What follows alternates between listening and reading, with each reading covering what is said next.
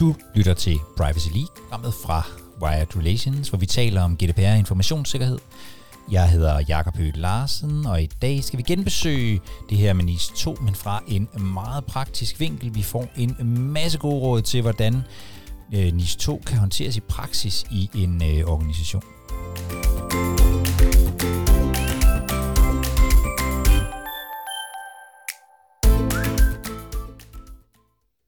Velkommen til, Morten.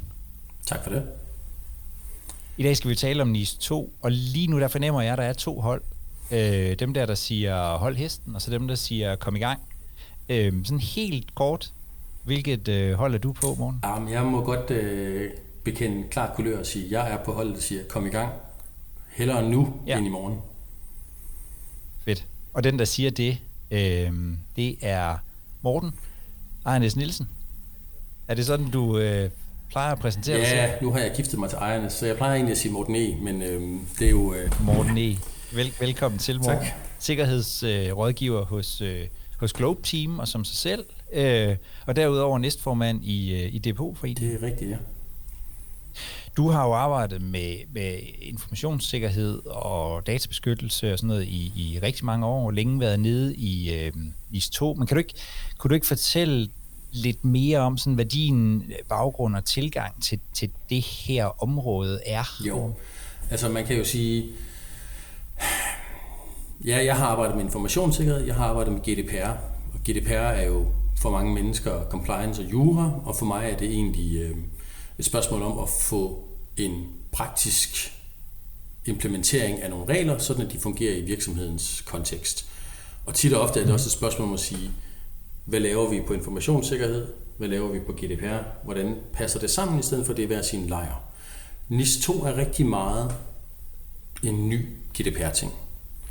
Det er igen det er de eksterne krav, der kommer ned, og nu skal vi finde ud af, hvad det er. Og det er EU, så det er altid en passende tekniske og organisatoriske sikkerhedsforanstaltninger. Vi kan ikke få at vide, at øh, nu skal vi have kryptering af den her art, eller den her type overvågning. Men, men det, det egentlig er, det er at gå ind og sige, Vores samfund er meget digitaliseret, og det gør, at flere af de tjenester, vi har, er vi, tager vi for givet, men de er faktisk vigtige for vores samfund. Og nu skal vi sikre, at der er en, en cyberbeskyttelse omkring dem. At sikkerhed, cybersikkerheden er høj nok. Så for mig er Analyse 2 en, en simpel ting at gøre, fordi det er, det er noget, der egentlig understøtter øh, jeres egen drift i virksomhederne. Men det er også noget, hvor jeg tænker, at det giver rigtig god mening, fordi vi er sårbare. Vi, vi står i en energikrise lige nu, hvor vi hører, at vi muligvis får slukket for strømmen i perioder af to timer i løbet af vinteren. Og, og hvad betyder det for os? Altså, jeg ved, at hvis vandet går i min lejlighed, i mit hus, så ved jeg, at min kukker brænder af, fordi så mangler det tryk. Og hvad er det for andre konsekvenser? Det, det er sådan en lille personlig ting, men hvad betyder det for samfundet? Og hvordan skal vi agere, og hvordan skal vi indpasse os? tilpasse os. Og der synes jeg, jeg synes jo, at NIS 2 er, er kommet på det rigtige tidspunkt. Jeg ved, at corona og, øh, og krigen i, i Ukraine har også skubbet til, har, har gjort, at den bliver prioriteret i parlamentet. Men det er bare noget, der giver rigtig god mening at arbejde med. Og, øh, og det er også noget, der er på mange måder større end GDPR, og det er derfor, jeg siger, at 21 måneder, det er ikke lang tid.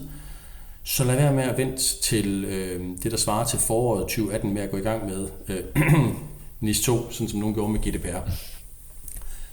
og de her 21 måneder, det er, øh, det er jo den periode, man har til at, at, at, at blive compliant eller implementere det her, når, man, når, øh, når det på et eller andet tidspunkt bliver, bliver vedtaget forhåbentlig ja, snart? altså øh, når jeg kigger ind i, øh, på EU's egne sider, så står der lige nu, at de har en, de forventer 9. november er der, hvor den skal øh, til afstemning i parlamentet. Det er sådan en midlertidig dato, de har lagt ind. Den står på det, der hedder Legislative Observatory.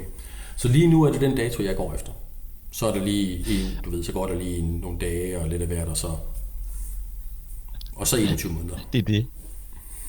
Og, og, og hvad er din oplevelse, inden vi sådan lige dykker ned i, hvad det egentlig er for en opgave, virksomhederne står overfor? Hvad, hvad er din oplevelse lige nu? Er, øh, er det her med IT-sikkerhed og informationssikkerhed og sådan noget, er det, er det på er det på dagsordenen i virksomheden?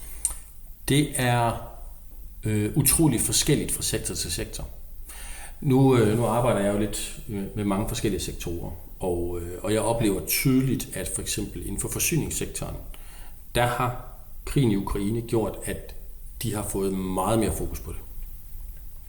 De har også, det kunne man læse om i foråret, at der var flere forsyningsarter, der blev angrebet mere. De så simpelthen, at der kom flere angreb fra øh, IP'er, der, der så ud som om de stammede, øh, stammede fra, stammede fra Rusland. Så der var noget der, der virkelig hævede op og sige, det her er noget, vi er nødt til at have fokus på. Det betyder ikke, at de alle sammen siger, start projektet, og start det gerne i, i går. Det er stadigvæk der, hvor de siger, ja, men direktivet er jo faktisk ikke vedtaget endnu, så vi kender ikke helt kravene endnu. Og det er også rigtigt. Man har dog nogle tekster, hvor det er ret tydeligt at se, hvad det er for nogle krav, vi ser ind i, også fordi vi stadigvæk er, det hele er jo baseret på en risikovurdering. Men, mm. men øh, jeg ser også andre sektorer, for hvem det er ret nyt, Øhm, og, og hvis de ikke har været vant til at arbejde med sikkerhed på den måde, så kan det godt være, at det er en, en stor omvæltning. Fordi øh, noget, jeg tror, de fleste organisationer, der arbejder med GDPR, fandt ud af, det var, at det var næsten en større forandring, et større forandringsprojekt, end det var et compliance-projekt. Der var mange medarbejdere, der lige pludselig skulle begynde at forstå alt, hvad de lavede, og forstå, hvordan det hang sammen, og hvorfor de skulle gøre ting anderledes. Og det samme med NIS 2, ja, der kommer til at være rigtig meget der, hvor det er, at man skal forandre, hvordan organisationerne øh, fungerer, og hvordan de hænger sammen. Mm. Øh, og så skal man virkelig forstå det her med, hvor GDPR var meget, hvad er det for nogle behandlingsaktiviteter og processer, man har, der behandler personoplysninger, hvad er det for nogle systemer, der understøtter dem. Det hele ligger i IT-laget. Nu skal man også gå ned og sige, jamen rigtig meget af det, vi producerer og leverer, det ligger i OT-laget, altså Operations Technology. Og det kan jo både være SCADA-systemer, men det kan også være pumper, det kan være robotter på et samlebånd. Og det har man normalt adskilt i en, en segmentering, sådan at det ikke er forbundet med et normalt IT-netværk. Og det er jo en sikkerhedsforanstaltning, men det gør også, at man egentlig har tænkt, så er vores OT-netværk sikkert. Og det mm. er det ikke. Det har øh, flere og flere øh, hændelser og også øh, hackerkonferencer vist, at OT-netværket ikke er. Så når man skal begynde at bevæge sig ned i det, skal man virkelig være øh, påpasselig og finde ud af, hvordan man skaber sikkerheden der. Også en sikkerhed, der hænger sammen med IT. Og så selvfølgelig alle de der processer. Og så er der en masse ja. omkring, øh, hvordan kommer vi tilbage, når vi er nede. Øh, og jeg synes jo egentlig, mm. sommeren var rigtig god. Den havde nogle gode eksempler på, øh, hvor hurtigt kan vi komme tilbage. Hvor hurtigt var øh, metroselskabet tilbage med strøm efter et Sharon-koncerten, hvor, de, hvor folk ikke kunne komme hjem. Altså, nu begynder vi at mm. kigge på nogle ting, og vi kan se ting i samfundet og læse om det i nyhederne, hvor der er ting og sager, der siger, jamen, reelt set det her krav, som vi skal efterleve følge det kommende direktiv omkring det her. Ja. Så i virkeligheden, alle, der bliver omfattet af, af, af, af direktivet, bør begynde at kigge på det, men jo mindre man har arbejdet med det før, jo hurtigere bør man i virkeligheden komme i gang. Ja, det er der ingen tvivl om. Øh, jeg sagde, nu nævnte jeg forsyningssektoren før, øh, hvor jeg sidder med et par opgaver forskellige steder, og der kan jeg jo se, at energiselskaberne var omfattet af NISET. Det var vand egentlig også i direktivet, men ikke i den danske lovgivning. Jeg oplever en mm. kæmpe forskel i, hvor langt energiselskaberne er kontra vandforsyningsselskaberne. Og det er fordi, at de allerede er bygget på NISET, så der er ikke så langt op, ligesom vi altid sagde, person, hvis du overlevede, efterlevede persondataloven, så var der ikke så langt op til GDPR. Men eftersom meget få mm. efterlevede persondataloven, var der langt for de fleste. Så der er langt for dem, der er nye, ja. eller for, for hvem det NIS er, er nye krav det er virkelig tydeligt, der er mange af dem, der mangler meget, fordi de mangler egentlig en grundlæggende forståelse for, hvordan sikkerhed fungerer på tværs af deres øh, typer systemer og, øh, og netværk. Jeg synes, jeg hørte dig sige, at, øh, at det her for dig var en, øh, en simpel opgave. Nej, nej. Men, men, men simpel, hvad, simpel, hvad er det for en opgave? Ja, det er for mig, den er simpel i den forståelsesmæssige kontekst. Jeg for, mm. det, det er simpelt, at selvfølgelig skal vi gøre det her, fordi altså, øh, for øh, fødevareproducenter eller producenter af mælk, da det, at de kan producere og sælge mælk, er jo så at sige deres levebrød. Så ja. det er jo egentlig, det simple i det er at sige, nå okay, så nu kommer der et direktiv, der siger, at mælk er vigtigt for samfundet, og derfor skal vi sørge for, at mælkeproduktionen er sikret. Ikke kun, ikke kun hos os, men også i vores forsyningskæde. Okay, det giver mening, og det giver også det giver os mere sikkerhed for vores egen produktion og dermed vores egen øh, indtægt. Så på den måde simpelt, nej, det er ikke en simpel øh, opgave at implementere og efterleve. Det, det, det, vil jeg, øh, det vil jeg meget nødig have siddende på mig. det vil du nøde. Hvad er det så for en, altså hvis vi kigger på den enkelte virksomhed, hvad er det så for en, eller organisation i det hele taget, hvad er det så for en øh, opgave, de står over for? Hvad er det, de skal have styr på nu? Ja. Altså man kan sige, hvis man er en virksomhed og kigger ind i NIS 2-direktivet, så er det jo øh, det er relativt få artikler, man faktisk behøver at bekymre sig om. Der er artikel 17, som har noget at gøre med øh, ledelsens ansvar. Der er artikel 18, der siger, hvad er det for nogle krav. Så er der artikel 20, som vedrører øh, hvad hedder det, underretningsforpligtelsen. Og så er der artikel 29, 28 deromkring med, med, med, hvordan bliver ført tilsyn med dig. Så det man egentlig skal finde ud af, det er, hvordan får vi ledelsen til at forstå deres rolle og have de her kompetencer, fordi der er et uddannelseskrav til ledelsen. Så er der nogle sikkerhedsforanstaltninger, vi skal kigge på, og så skal vi kunne indberette hændelser. Og igen, øhm, for nogen kan indberetning af hændelser ifølge GDPR godt virke lidt som en Sisyphos-øvelse, fordi der skal indberettes meget, og nogle gange hører man ikke så meget om det. Øhm, hvor i NIS 2 er formålet egentlig, at man skal indberette hurtigt, fordi så skal ja. myndigheden svare tilbage hurtigt og dele oplysningerne med andre organisationer, der også kan være ramt hurtigt. Så det er et spørgsmål om at dele information, så man kan agere og reagere. Men når vi går tilbage til kraven i artikel 18, jamen vi, vi snakker om, som jeg nævnte før, passende tekniske organisatoriske sikkerhedsforanstaltninger. De nævner så mm. en række ting, som man skal kigge ind i. Og det, hvor man kan sige, at vi snakker både der skal være nogle politikker for risikoanalyse og informationssikkerhed. Og det, det tror jeg, de fleste har. Så skal det være, øh, du skal også kunne vurdere effektiviteten af dine sikkerhedsforanstaltninger. Og det er jo lidt et spørgsmål om at sige, øh, vi har implementeret netværkssegmentering for at reducere de her risici. Er netværkssegmentering stadigvæk en god nok løsning til at reducere de her risici? Øh, så er der et ønske om kryptografi og kryptering, og det tror jeg mest er fordi, at EU er rigtig glad for sådan noget, uden at de nødvendigvis altid tænker om, hvordan det er smartest. Men så begynder man også gå ned og sige, hvad er det for nogle lidt mere konkrete ting? Jamen, man skal kunne håndtere hændelser. Man skal kunne sikre driftskontinuitet, krisestyring. Man skal have beredskab, og under det ligger der også beredskabstest. Øh, og under sådan noget som driftskontinuitet, der er der jo øh, backup, fordi du kan jo ikke komme tilbage eller fortsætte din drift, hvis det er, at din, din øh, data bliver krypteret. Så ja. der er meget omkring det. Og så er der også... Øh, der er noget i, på applikationslaget, hvor det er de og sige, jamen øh, sikkerhed ved erhvervelsesudvikling og vedligeholdelse af, af systemer og, og, og net. Men der, hvor den bliver for mig øh, rigtig interessant, det er, når den begynder at sige, jamen der er et forsyningskædesikkerhed. Mm, og ja. det er jo faktisk der, hvor der er for mange virksomheder nødt til at sige, jamen nu skal vi kigge ud over vores egen næse.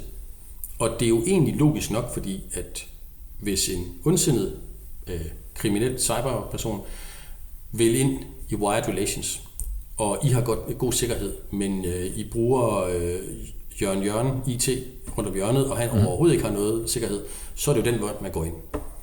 Så det er det der med at sige, jamen hvad er det for nogle leverandører, vi har, og hvad er det for noget forsyning, vi får ind, og hvad er sikkerheden hos dem? Så ja. man tænker igennem, og jeg kan godt lide, altså et godt eksempel, det, er, det vil være en mælkeproducent i Danmark, uden at nævne et navn. De skal jo både have styr på sikkerheden i deres eget produktionsfacilitet.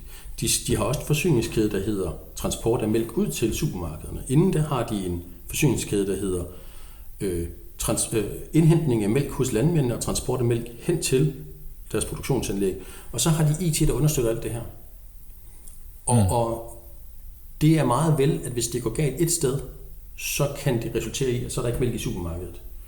Men hvis det for eksempel mm. er deres produktionsapparat, der går ned, så kunne det også være en god idé at sige til landmændene, øh, I skal ikke sende mere mælk.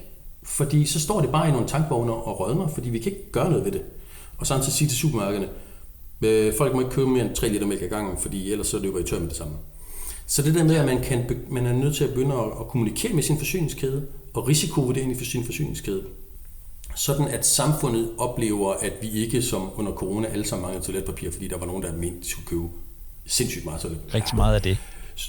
Hvordan, hvordan bliver man, altså hvordan bliver man som, som organisation? Fordi det her, det her minder jo lidt om, om tilsyn med, med leverandører, som, som mange vil kende fra, fra, fra GDPR, ja. bare på en eller anden form for speed. Øhm, hvordan, hvordan, bliver man, hvordan bliver man klar til at kunne at, kunne tage ansvaret for sin leverandørkæde i virkeligheden? Altså, hvad, hvad er det for nogle ting, man skal have, man skal have styr på der som, som organisation? Ja, altså, ja, det første, man skal tænke på, det er hele risikovurderingsdelen. Der er det rigtig vigtigt at forstå, at gamle dage snakkede vi informationssikkerhed, det var, hvad er risici for os som organisation? Så kom GDPR ind, og så skulle man lige pludselig begynde at risikovurdere på, på vegne af de der personer, hvis oplysninger man processerede, og egentlig ikke rigtig tænkte, de var så vigtige. Nu skal vi begynde ja. at risikovurdere for, hvad vil mangel på vores leverance betyde for samfundet? Så mm-hmm. man skal tage den der, det der samfundsperspektiv, og så skal man begynde at sige, okay, hvis, hvis vi er omfattet, så, så er vi nødt til at kigge på forsyningskæden. Det jeg egentlig har sagt til de steder, hvor jeg har været, det er, at vi skal begynde, et, vi skal finde ud af, hvad er det for nogle leverandører og tredjeparts samarbejdspartnere, vi har. Så skal vi begynde at klassificere den, fordi øh, leverandørerne af vores HR-system er nok ikke nødvendigvis omfattet, fordi det er ikke nødvendigt for vores leverance. Så hvad er det for nogle mm. leverandører, der rent faktisk er kritiske for vores samfundsvigtige leverance? Hvad er det for nogle ting, de leverer? Hvad, hvad, har vi, hvad ser vi af risici i forhold til det, de leverer? Og så begynder vi at risikovurdere i det, og så skal vi begynde at sige, jamen, vi er nødt til, at I hæver sikkerheden til det her niveau. Der er nogle sikkerhedskrav her, vi har til jer. Så man kommer til at skulle stille nogle krav til sine leverandører. Og jeg tror, det er, det er rigtig vigtigt, når man begynder at arbejde med beredskabstest, så skal man også begynde at stille krav om beredskab hos leverandøren, og tænker jeg, det er ikke et krav, men det, jeg tænker, det er en god idé, at man simpelthen siger til sin vigtigste leverandør, vi skal øve beredskab sammen. Hvis I mm. går ned, hvordan håndterer vi det? Hvis vi går ned, hvordan håndterer I det? Hvordan sikrer vi, at vi er gode nok til at snakke sammen og hjælpe, sådan at vi kommer op hurtigst muligt? Ja. Så, så man er nødt til at tænke mere 360, end man er vant til, fordi man har et nyt perspektiv, og man har den her forsyningskæde, som lige pludselig bliver rigtig vigtig. Og der, der har været talt meget om det her med samfundsrisiko. Det har vist, som jeg har forstået det, været lidt inde og ude af NIS 2, hvorvidt man reelt skulle vurdere på samfundsrisikoen. Men der, der, der tænker du, at, at budet i virkeligheden er at se, at, at det handler om, om den leverance, som er, altså og virkelig at kigge meget ned i den leverance, der er kritisk for for, altså den, den, den leverance, som er kritisk for ja. samfundet, som man leverer, og så i virkeligheden øh, op, opbedømme det i sin risiko, øh, i sin generelle risiko. Ja, det er simpelthen det er sådan, jeg forstår det. Når jeg ser på det, så siger jeg, jamen, for et elselskab, der er det jo simpelt. Kan vi ikke levere el, så er det jo et problem for alle de folk, der ikke kan få el. Øhm, ja. Og det kan vi godt leve med i en kortere periode. I en længere periode begynder det virkelig at blive et problem, fordi så, rammer, så, så er der jo øh, hvad hedder det, så, så, så går det over og rammer andre ting, der så bliver ramt. Så bliver mhm. vandforsyningen ramt, så bliver spildevand ramt, så kan jeg ikke få hentet affald, og øh, de kan ikke, køleskabene virker ikke ned i supermarkedet. Så sådan nogle systemiske risici ja. øh, kan ret hurtigt begynde at påvirke noget, men, men altså, på et tidspunkt så bliver vand også, øh, vand er vigtigt, men mælk, det kan godt være, at vi kan leve uden mælk i en uge, men, men på et tidspunkt så begynder vi simpelthen også at sige, jamen, vi skal have mælk. Det skal, det skal vi ja. jo, altså, ligesom vi skal have sovs. Øhm, mm. og så, så det der med at, øh, at, at kunne, kunne tage og kigge på, vi leverer noget. Vi er i en sektor, hvor det er defineret, det vi leverer nok er vigtigt for samfundet. Så er vi nødt til at kigge på, ja. hvad er det for en leverance, hvordan er den vigtig, og hvilke risici er, er der med det. Og det kan også godt ja. være, at man vælger at sige, jamen risikoen for, at vi ikke kan levere mælk, hvis det nu var Arla, den er, den er sådan, at det kan vi godt leve med i tre uger. Det koster mm. penge for Arla, men det, det er ikke et samfundsrisiko før om tre uger. Eller sådan. Det kan man jo fint vurdere. Og så giver ja. man sig selv så lang tid til at, at kunne håndtere det. Hvor eller vand, de kan nok ikke sige tre uger. Jeg vil i hvert fald meget nødig være uden eller vand i tre uger. Ja. Medmindre jeg er på så camping. Er ja, det er det. Og så, så, er jeg, så er jeg måske på camping i, øh, i Ødemarken i Sverige eller sådan Ikke? Men, men det der med, at man, man er nødt til at kigge ind i, i den del. Og, og det der med, at man husker at have de her risikovurderinger, som får kigget på det hele, og tænkt, tænkt det her mm-hmm. ind i det. Øh, det, det tror jeg simpelthen bliver noget af det vigtigste. Det bliver en, en, en svær læring for mange. Og her kan de her forskellige risikobetragtninger vel i virkeligheden også komme i konflikt med hinanden. Jeg tænker, hvis man er et elselskab, så er samfundsrisikoen jo, at man ikke kan levere el. Men, men en, det vil også være en, en stor forretningsrisiko, hvis man ikke kan sende regninger ud, ja. for eksempel. Men, men for samfundsrisikoen er regning, det der med at kunne sende regninger, det, det er måske en, en mindre væsentlig øh, risiko for, for os alle sammen. Det er nemlig rigtigt, trods fordi jeg, jeg plejer at bruge et eksempel med, at hvis jeg, øh, hvis jeg kan lade min elbil, men mit mm-hmm. selskab ikke kan øh, afregne mig, fordi den, den del er gået i stykker, så er det jo et problem for dem. Men det er ikke et problem ja. for mig. Ja, det, er, det er rent bonus. Nej. Men hvis jeg ikke kan lade, så taber de ikke penge på at sælge mig el, de ikke kan få penge for. Men det kan godt blive en samfundsrisiko. Og hvis ja. de så har et problem med GDPR, så kan det give mig nogle andre problemer, fordi der kan være noget der. Men, men ja, der kan nemlig være konflikt i, at noget kan være en samfundsrisiko, uden at, det, uden at virksomheden ser det som en stor risiko for dem. Og omvendt set kan, ja. kan risikoen for virksomheden være stor, uden at det har en samfundsrisiko. Så der er de simpelthen nødt til at kunne sige, jamen, hvordan navigerer vi i det? Fordi der får vi nogle krav fra et sted, vi får nogle krav fra et andet sted, og vi har selv nogle krav til, hvordan det er. Og så bliver man nødt til at finde ud af det, og det er også derfor, jeg ikke vil have, at man sidder i hver sin silo, fordi det er rigtig vigtigt at tænke på, jamen, en sikkerhedsforanstaltning, den kan jo, den kan jo reducere risikoen på for både informationssikkerhed, GDPR og NIS2. Mm. Og, øh, og så kan det godt være, at den kun reducerer dem alle sammen med X, og en anden den reducerer en anden risiko med, med to gange X. Men så skal man jo også, vi er stadigvæk der, hvor vi kigger på, hvor, hvor får vi mest øh, sikkerhed for pengene. Så, så finde ud af, hvor vi rammer bredest og får mest ud af de penge, vi investerer, fordi sikkerhed er altid et sort hul. Det, det, ja. vi, kan, vi kan altid smide flere penge efter sikkerhed. Det kan vi bare. Og vi, og vi får aldrig 100% sikkerhed. Så. Mm. Og, og nu, nu, nu siger du selv det der med, med, med, med siloer. Øhm, hvordan organiserer man bedst det her arbejde?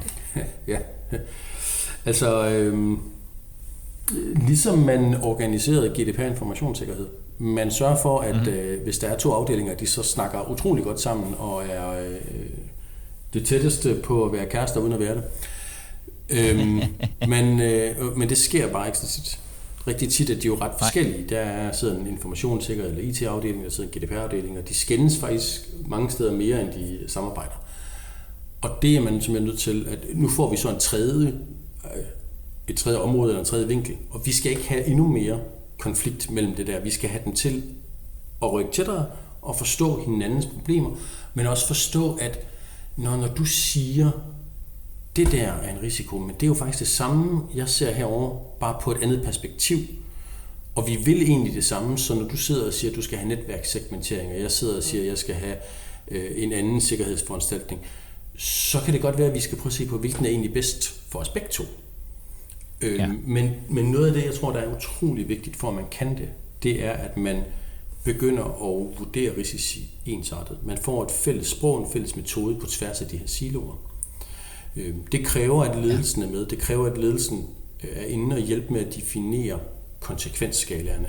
Fordi så kan ledelsen også sige, okay, men vi får en, en risiko her, som siger øh, sandsynlighed 3, konsekvens 4 fra IT, og vi får en anden, der siger øh, sandsynlighed 3, konsekvens 3 fra jura. Fordi mm. vi ved, at de arbejder ud for de samme skala, så ved vi, hvilken der er den højeste risiko, og den vi skal prioritere. Ja. Mm. I stedet for nogle gange, så sidder de hver især og siger, jamen øh, det, er, det, er en, det er en konsekvens 5, ja, ja, for jeres område, men ikke for organisationen. Mm-hmm. Fordi noget af det NIS nemlig er ops på, det er, at ledelsen skal jo være med til at godkende, hvad der er for nogle sikkerhedsforanstaltninger, man, man vælger på baggrund af sin risici. Ja. Og det kan. Og er det her med, øh, med risikosproget, er det, er det bare lige for at være helt sikker på det, er det på tværs af i virkeligheden af alle de her, eller alle siger jeg, men de her tre forskellige risici, altså øh, øh, for, for, for virksomheden, for den registrerede og for, og for ja. samfundet? Og, og, og når man siger på, for virksomheden, så skal man jo reelt set også begynde at snakke med driftsafdelingen. Fordi de sidder og kigger på andre risici end informationssikkerhed nødvendigvis gør. Så man skal egentlig kunne forstå og snakke om risici med det ensartede sprog metode på tværs af alle afdelinger af organisationen, der arbejder med risiko. Fordi på den måde får du jo den der overordnede risikostyring, hvor lederne kan gå ind og sige, jamen vi har fået i den her måned indrapporteret 11 risici, vi kan fint prioritere dem og sige, den, den og den, her er pengene til det, de andre, de, øh, to af dem, dem venter vi med til, til næste budgetår, og de sidste, dem accepterer vi, fordi det, vi har en risikotolerance, så det kan vi godt klare. Ja. Og udover at øh, udover at bede dig om at komme forbi, hvordan kan man så øh, hvordan kan man så komme i gang med at skabe sådan et, et fælles risikosprog? ja. Det, selv de steder, hvor jeg er forbi, er det også noget, der tager tid, øh, vil jeg sige. øh, altså reelt set, så er det et spørgsmål om, at man begynder at sætte sig ned i de steder, de, de, de siloer, jeg i organisationen, hvor man arbejder med risici, og sige, okay, hvordan gør vi det her på en ensartet måde? Jeg er nødt til at lære jeres sprog, I er nødt til at lære mit sprog, vi er nødt til at forstå hinanden. I stedet for at tro, at vi er modstandere, så skal vi forstå, at vi er forskellige perspektiver, der grundlæggende set vil organisationen det bedste, men, men vi har vores egen forståelsesverden. Og vi skal, vi skal nærme os hinanden sådan, at vores forståelsesverden egentlig er. Hvordan hjælper vi organisationen med at overholde reglerne og beskytte sine oplysninger bedst muligt? Ja. Øhm, og og det, det er meget det, jeg sidder og lidt pædagogisk på at hjælpe folk med. Så man skal virkelig også, også lære at, at, at forstå hinanden og, og, og, og hvad det er for, altså hvordan man vægter ja, risikoen for, at samfundet ikke har el op mod en, et databrud. Ja, reelt set, så er det jo så er det sådan noget. Og om det er, at man skal have nogle, øh, nogle, nogle dage, hvor man kan sidde og drikke nogle øl og drikke sig fuld og finde ud af at blive gode venner og, og græde lidt ud ved hinandens skuldre, fordi at man har en masse vrede, det, det, det er jo en ting, men øh, og det er heller ikke, altså jeg er jo en, en, en sikkerhed- og compliance-mand, så det er, ikke, det er ikke min kompetence at gå ud og få folk til at, øh, at komme forbi de der skjold, man bygger op mellem hinanden og sådan noget. Nej. Men det er noget, jeg kan, jeg kan tit se, at det er der, og fortælle dem, det er noget, I skal få kigget på, mens jeg hjælper jer med at bygge øh, et rammeværktøj op, for at I kan, øh, kan arbejde med det her bagefter. Og hvis vi så ser på, du var, du var lige kort inde på det, øhm, en ting er så, at, at, at IT og forretningen og øh, GDPR og begynder at, at tale sammen og tale sammen på, men hvordan er, øhm, hvordan er ledelsens, hvad er ledelsens rolle i alt det her? Ja, altså øh, nu, nu har det jo altid været sådan, at ledelsen har, skulle, har gerne skulle være involveret, og det har øh, alle mm. dage været svært. Det, ja. det, det tror jeg, vi alle sammen har prøvet. Man kan sige, nu nævnte jeg, det var artikel 17, der satte nogle krav til ledelsen. Ikke? Og, og det er ja. blandt andet det her med, at de skal sikre, at, der, at det, det, er, det er ledelsen, der skal godkende de sikkerhedsforanstaltninger, man vælger at implementere, og de skal sikre, at der bliver ført tilsyn med dem, altså at de rent faktisk bliver implementeret og fungerer. Øhm, og så er der også et krav om, at ledelsen de skal øh, på uddannelser eller kurser i cybersikkerhed, så de kan opnå det, der defineres som tilstrækkelig viden og færdigheder til at kunne forstå og vurdere cybersikkerhedsrisici og styringspraksiser. Så de, ja. vi, nu har vi faktisk, hvor, hvor man med GDPR nogle gange godt kunne opleve, at ledelsen var svær at få i tale, så kan man nu gå til ledelsen og sige, jamen, du skal på kursus og forstå, hvad jeg laver. Du skal godkende ja. de her sikkerhedsforanstaltninger. Du skal faktisk sikre, at der bliver ført tilsyn med den bagefter. Øhm, og det synes jeg jo er rigtig godt, fordi det, øh, det er en god måde at sørge for, at ledelsen kan, kan blive aktiveret. Oven i det kommer der jo så egentlig også, og det er jo, øh, jeg grundlæggende set er jeg jo ikke ret glad for at snakke om, om bøder i forhold til sådan noget her, fordi det, det er, hvad det er. Men direktivet, nu kender vi ikke den danske version af det i lovteksten endnu, vel, men direktivet har sådan lidt en to niveauer, når de kommer og siger, at vi har nogle håndhævelsesting. Og niveau 1 er meget ligesom GDPR, men den har også sådan en, der hedder, vi, øh, man kan godt tvinge en organisation til at offentliggøre en erklæring, der identificerer de personer, som er ansvarlige for overtrædelsen. Så der kommer lige pludselig en gabestok. Det var faktisk øh, mm. det var, det var Morten og Jakob. Det var deres skyld. Øh, ja. Men der, hvor den så kommer til niveau 2, det er der, hvor det er, at den bliver spændende at se, om den kommer i dansk lovgivning. Men det er der, hvor at direktivet siger, hvis man ikke har over, hvis man ikke overholder øh, kravene, og niveau 1-sanktionerne har vist sig ikke at have effekt, så har vi en niveau 2-sanktion, der hedder, at vi kan frakende ledelsen retten til at være leder. Det er kun midlertidigt, indtil man er compliant igen, men det kan godt tage lang tid, og øh, jeg tror ikke, der er ret mange ledere, der har lyst til at miste retten til at være leder. Og have den stående på sit øh, CV, nej, det kunne man godt øh, forestille mig. Det, det, og det, det svarer jo virkelig lidt til, til nogle af de ting, der er i den finansielle lovgivning, hvor man, altså, hvor man, der, der, der er det så lidt omvendt, hvor man skal finde en proper, ja. øh, hvor, hvor det er på forhånd, men her kan man faktisk få altså øh, frataget sin, øh, sin, sin plads i, øh, i direktionen i en, i en periode, hvis man har, hvis man har været rigtig ja. slem. Og, og der kan man sige, at det kan godt være, at det er usandsynligt, at eller der, der er lange udsigter til, at det bliver effektueret, at vi kommer med sådan en straf. Men 2 og 4 procents bøder i GDPR gjorde, at mange virksomheder reagerede og begyndte at implementere det, mm. uanset om de største bøder, vi har set i Danmark, ikke har været i nærheden af det, så kan det, at den her er i direktivteksten, sandsynligvis også få en hel del ledere til at sige, okay, vi er nok nødt til at have lidt mere fokus på det her. Og mm. jeg tror, at vi begge to er, er enige om, at nogle gange, når man arbejder med sikkerhed og compliance, så har man virkelig brug for, at ledelsen de lige... Man får et window of opportunity, når ledelsen de bliver bekymret og får sved på panden. Ja. Det håber jeg, det her bliver. Ja. I forhold til, til det her med, at man som virksomhed skal kunne øh, indberette til en, ja, vi ved jo ikke hvem endnu, men øh, en eller anden myndighed, ja. øh, når man har haft en, øh, en sikkerhedshændelse øh, inden for det 72 timer. Så hvad, hvad, hvad, hvad, hvad kræver hvad, hvad kræver det af, af, af virksomhederne? Er, der, er man klar til det, tror altså, du? Øh, faktisk er det sådan, at hvis det er i, øh, i en 2, så skal man indberette inden for 24 timer. Okay. Hvis det har med tilgængeligheden af tjenesten at gøre. Og inden for 72 timer, ja. hvis det har med fortrolighed og integritet af tjenesten at gøre. Øhm, og det tror jeg bliver svært. Og øh, jeg tror også, der er mange virksomheder, der kommer til at kigge og sige, er det nu, vi skal have en SOC as a service? Fordi hvis man skal kunne indberette inden for 24 timer, så kræver det jo for mange reelt set døgnbemanding. Ja, det er det. Øh, og det er, øh, det er svært at forestille sig, at man begynder at finde ressourcer til det. Ja. Så der er noget omkring det, men, men omvendt set kan man sige, hvis nu du har indberettet inden for 24 timer, så skal den kompetente myndighed, hvem end det bliver, de skal svare dig inden for 24 timer. Så skal de nu også til at mm. døgnbemandes. Ja, det bliver altså, meget vi kommer virkelig til at skulle uh, se jobopslag, der hedder uh, sikkerhedsnattevagt. Fordi, uh, og, og, ja. og, det er ikke, det er ikke, ja, og det er ikke de der, der render rundt og, og holder øje med, om der er nogen, der kommer ind ad døren, men dem, der sidder ved en computer og holder øje med, om der er nogen, der indberetter. Ja. Øh, så på det punkt, så tror jeg faktisk, det bliver... Altså, jeg kan være bekymret for, om der findes ressourcer, hænder til det. Og kom, kom, Jamen, de mennesker findes ja. derude. Og derudover, så, øh, så er det jo også dyrt at have døgnbemandet. Mm. Øh, men jeg synes jo faktisk, det er øh, ret sigende, at, det, at, at der er sådan et, et krav om 24 timers indberetning.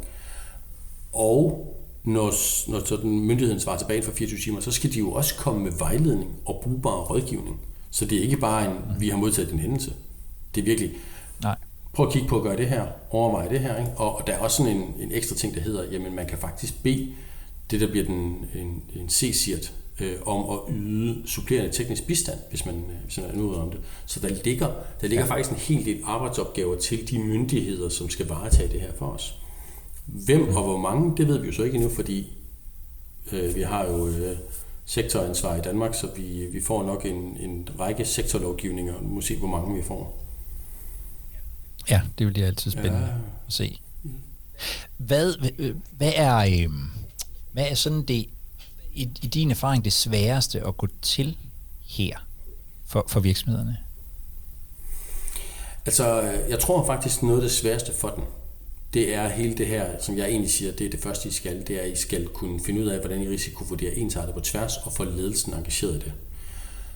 Det tror jeg for mange er rigtig svært.